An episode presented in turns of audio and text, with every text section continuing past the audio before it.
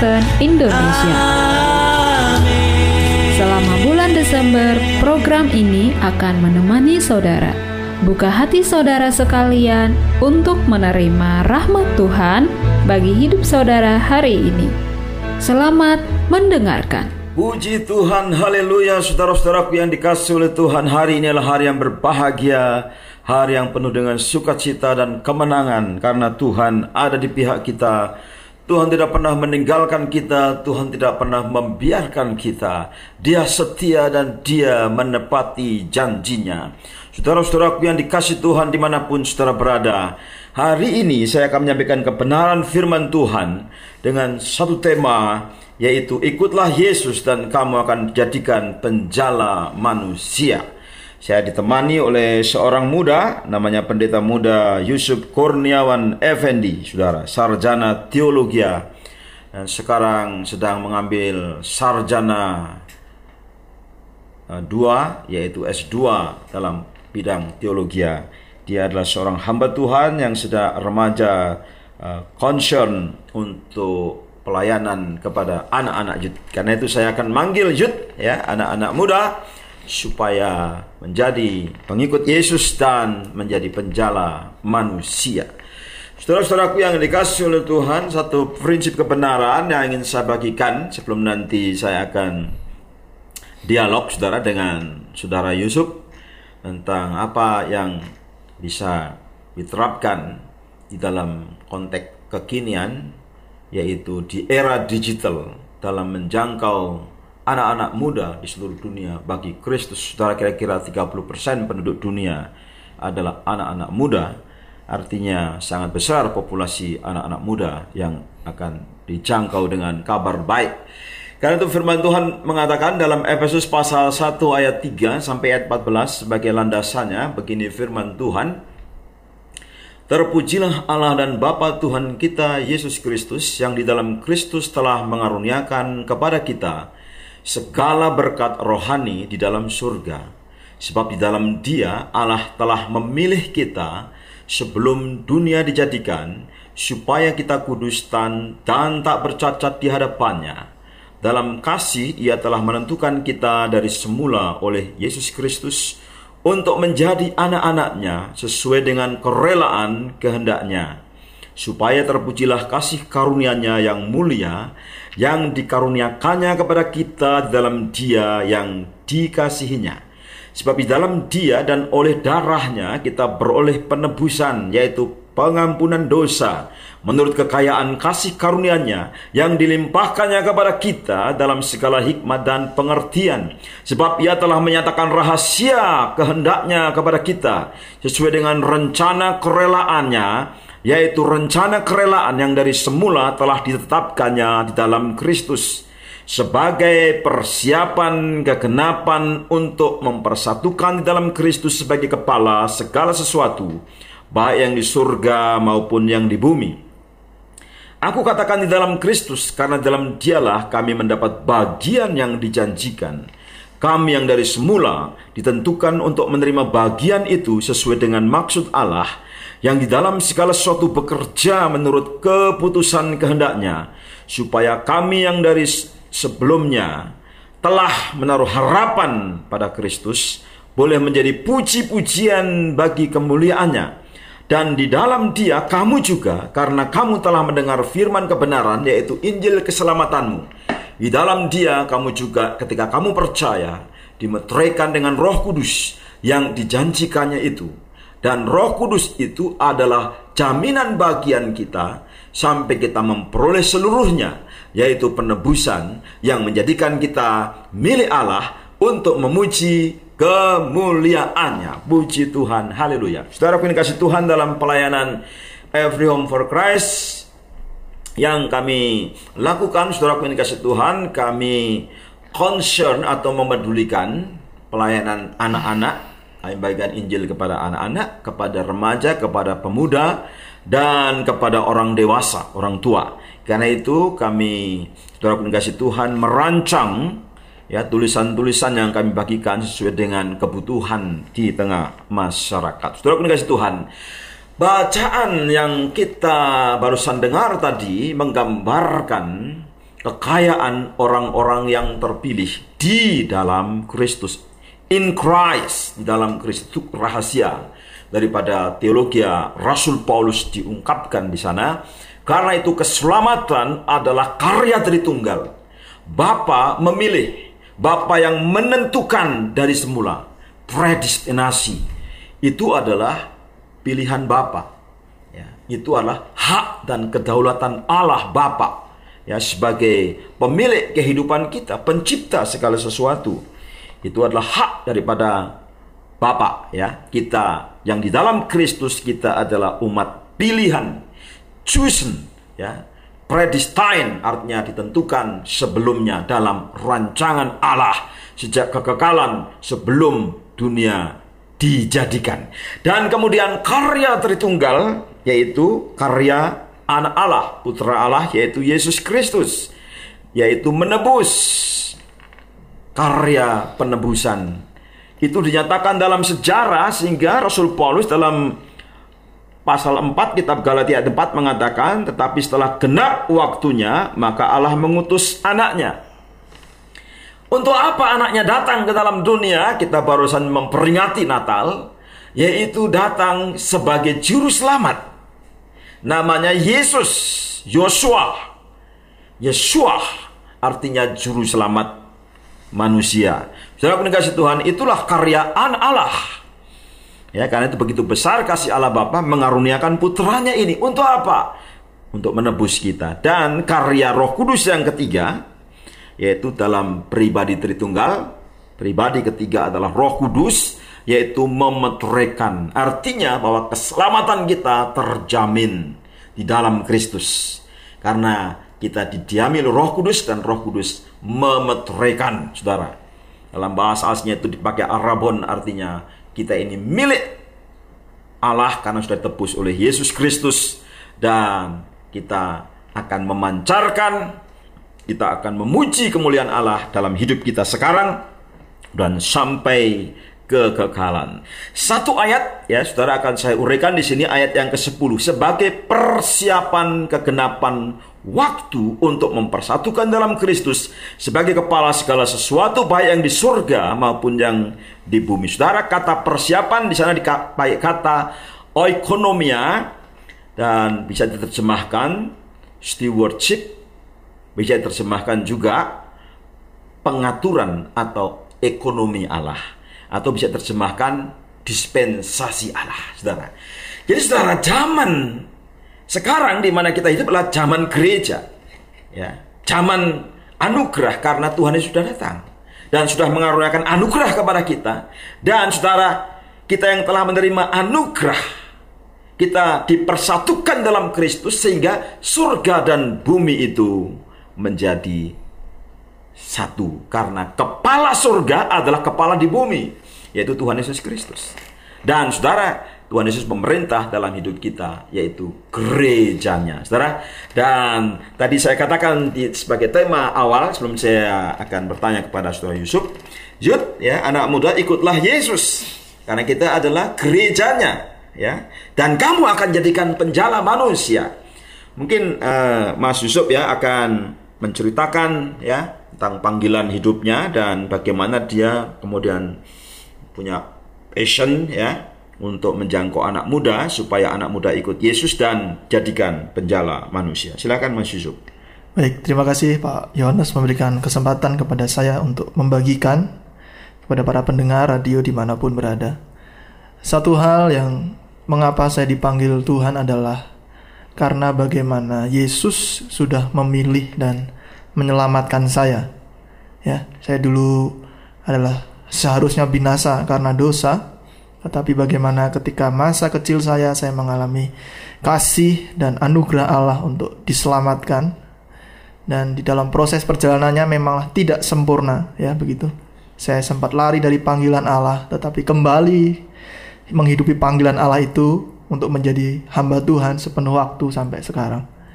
Jadi masa muda kita harus dalam masa muda kita sebagai anak muda kita harus menyadari status kita siapa yang pertama. Kita adalah anak-anak Allah, ditentukan untuk menjadi anak-anak Allah. Ya, ditentukan menjadi anak-anak Allah, dipanggil menjadi anak Allah, dipilih untuk menjadi anak Allah. Sehingga kita tidak lagi hidup untuk dunia, tetapi bagaimana hidup kita dipersembahkan sepenuhnya kepada Allah.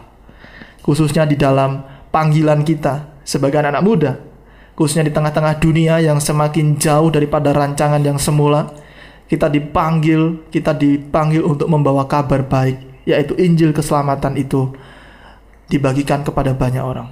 Mungkin itu, Pak. Puji Tuhan, haleluya. Saudara aku dikasih Tuhan dari firman Tuhan ya, yang sudah kita dengar dan kemudian kesaksian Mas Yusuf ya, Saudara Yusuf tadi bahwa dia sudah dipanggil oleh Tuhan sejak dia anak-anak. Jangan malu dengan identitas saudara sebagai anak-anak Tuhan. Percaya dan bersyukur kalau sudah lahir saudara sudah lahir dari keluarga Kristen, bersyukur kepada Tuhan ya. Kalau saya lahir bukan dari keluarga Kristen ya, tetapi saya menjadi Kristen dalam masa pertumbuhan saya. Tetapi tadi Mas Yusuf katakan bahwa dia lahir dari keluarga Kristen ya dan sudah kecil, tapi dia sempat lari juga dari panggilan Tuhan. Nah, Saudara, dan dia kembali kepada panggilan Tuhan. Saya mengundang anak-anak muda di sini, Saudara dipanggil oleh Tuhan. Ya, siapa pun Saudara. Ya. Mungkin Saudara merasa sudah tua, tapi kalau di bawah 45 tahun Saudara ya, saudara masih anggota KNPI, saudara ya, boleh jadi anggota KNPI, masih muda. jadi saudara, artinya siapa pun saudara, jangan lari dari panggilan Tuhan, ya. Jangan lari dari panggilan karena apa? Karena Tuhan sudah memilih engkau. Tuhan sudah mengasihimu. Tuhan sudah menebusmu. Masa lalumu yang gelap ditebus oleh Tuhan. Darahnya dicurahkan. Saudara menjadi milik Allah, saudara adalah hamba Tuhan. Kembali kepada panggilan Tuhan dan masa kini saudara disucikan.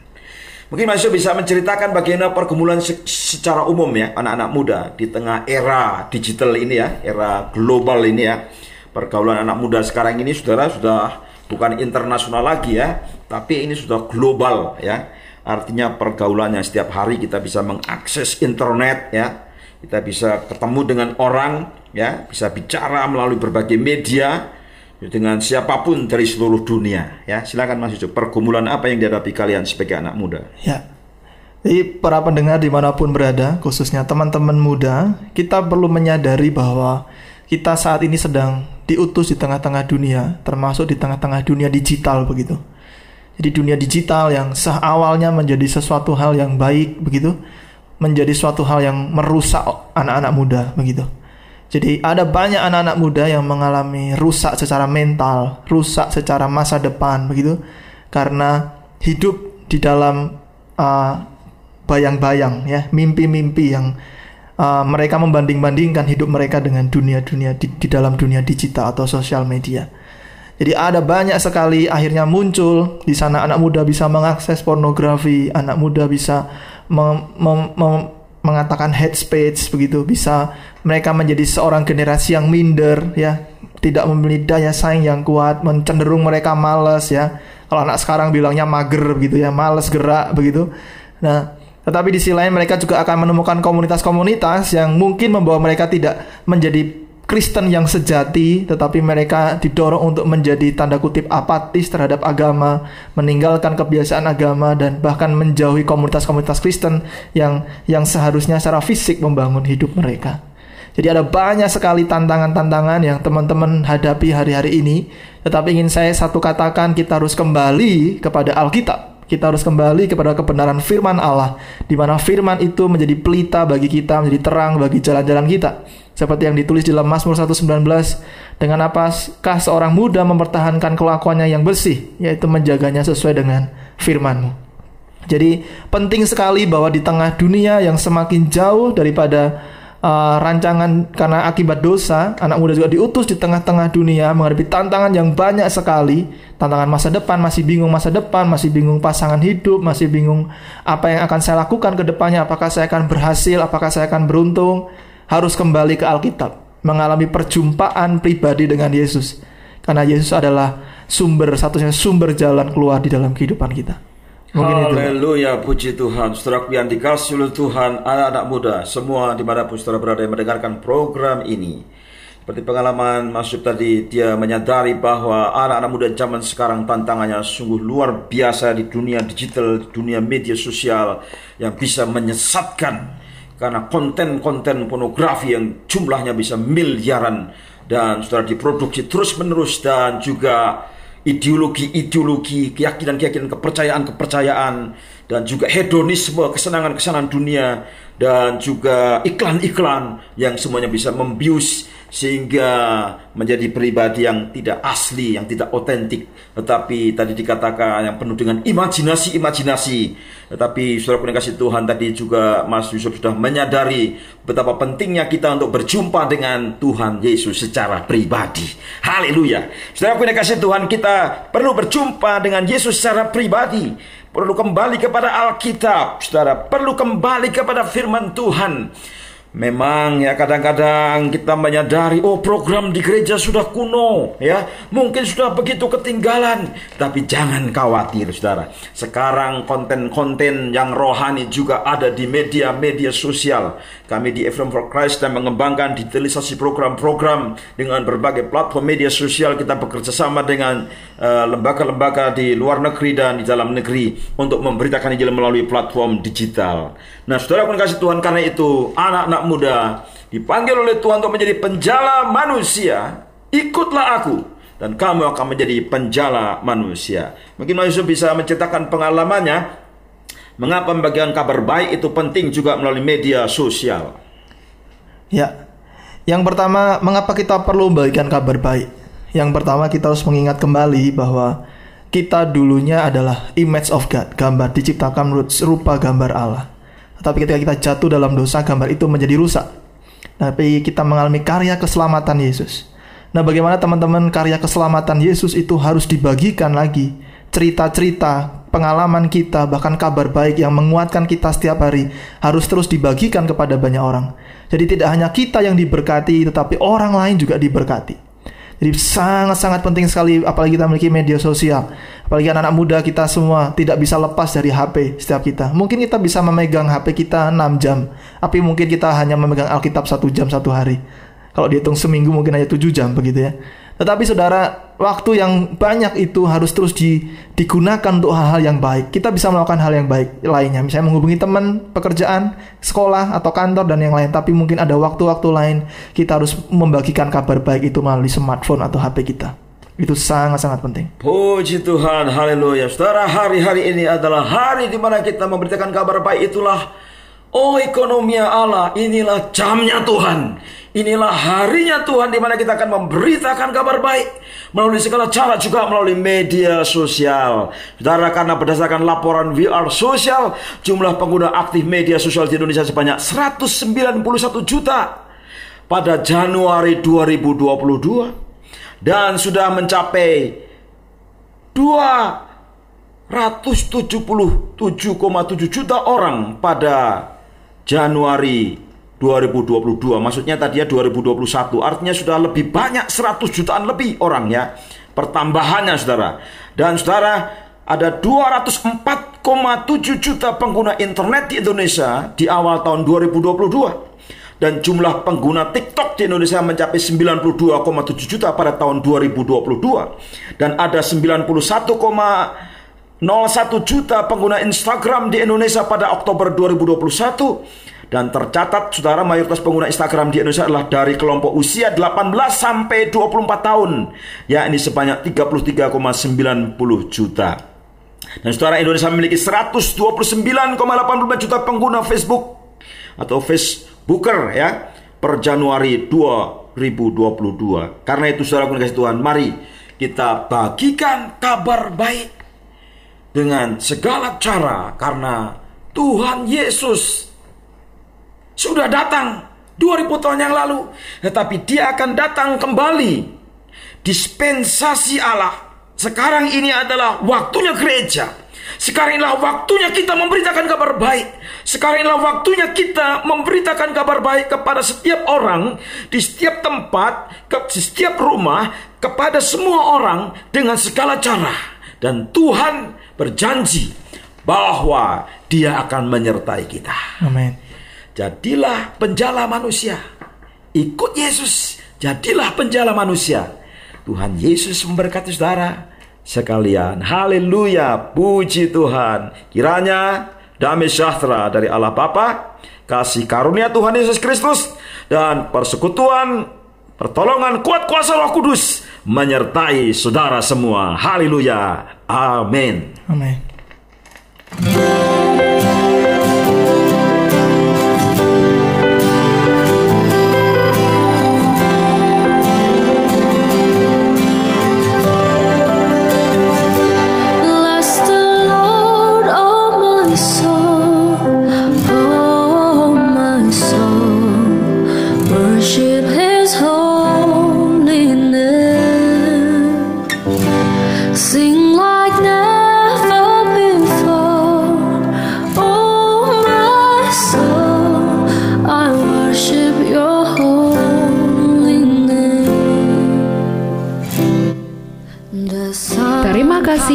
Sudah mendengarkan program Rahmat Tuhan bagi seisi rumahmu bersama Pendeta Dr. Yohanes R. Suprandono.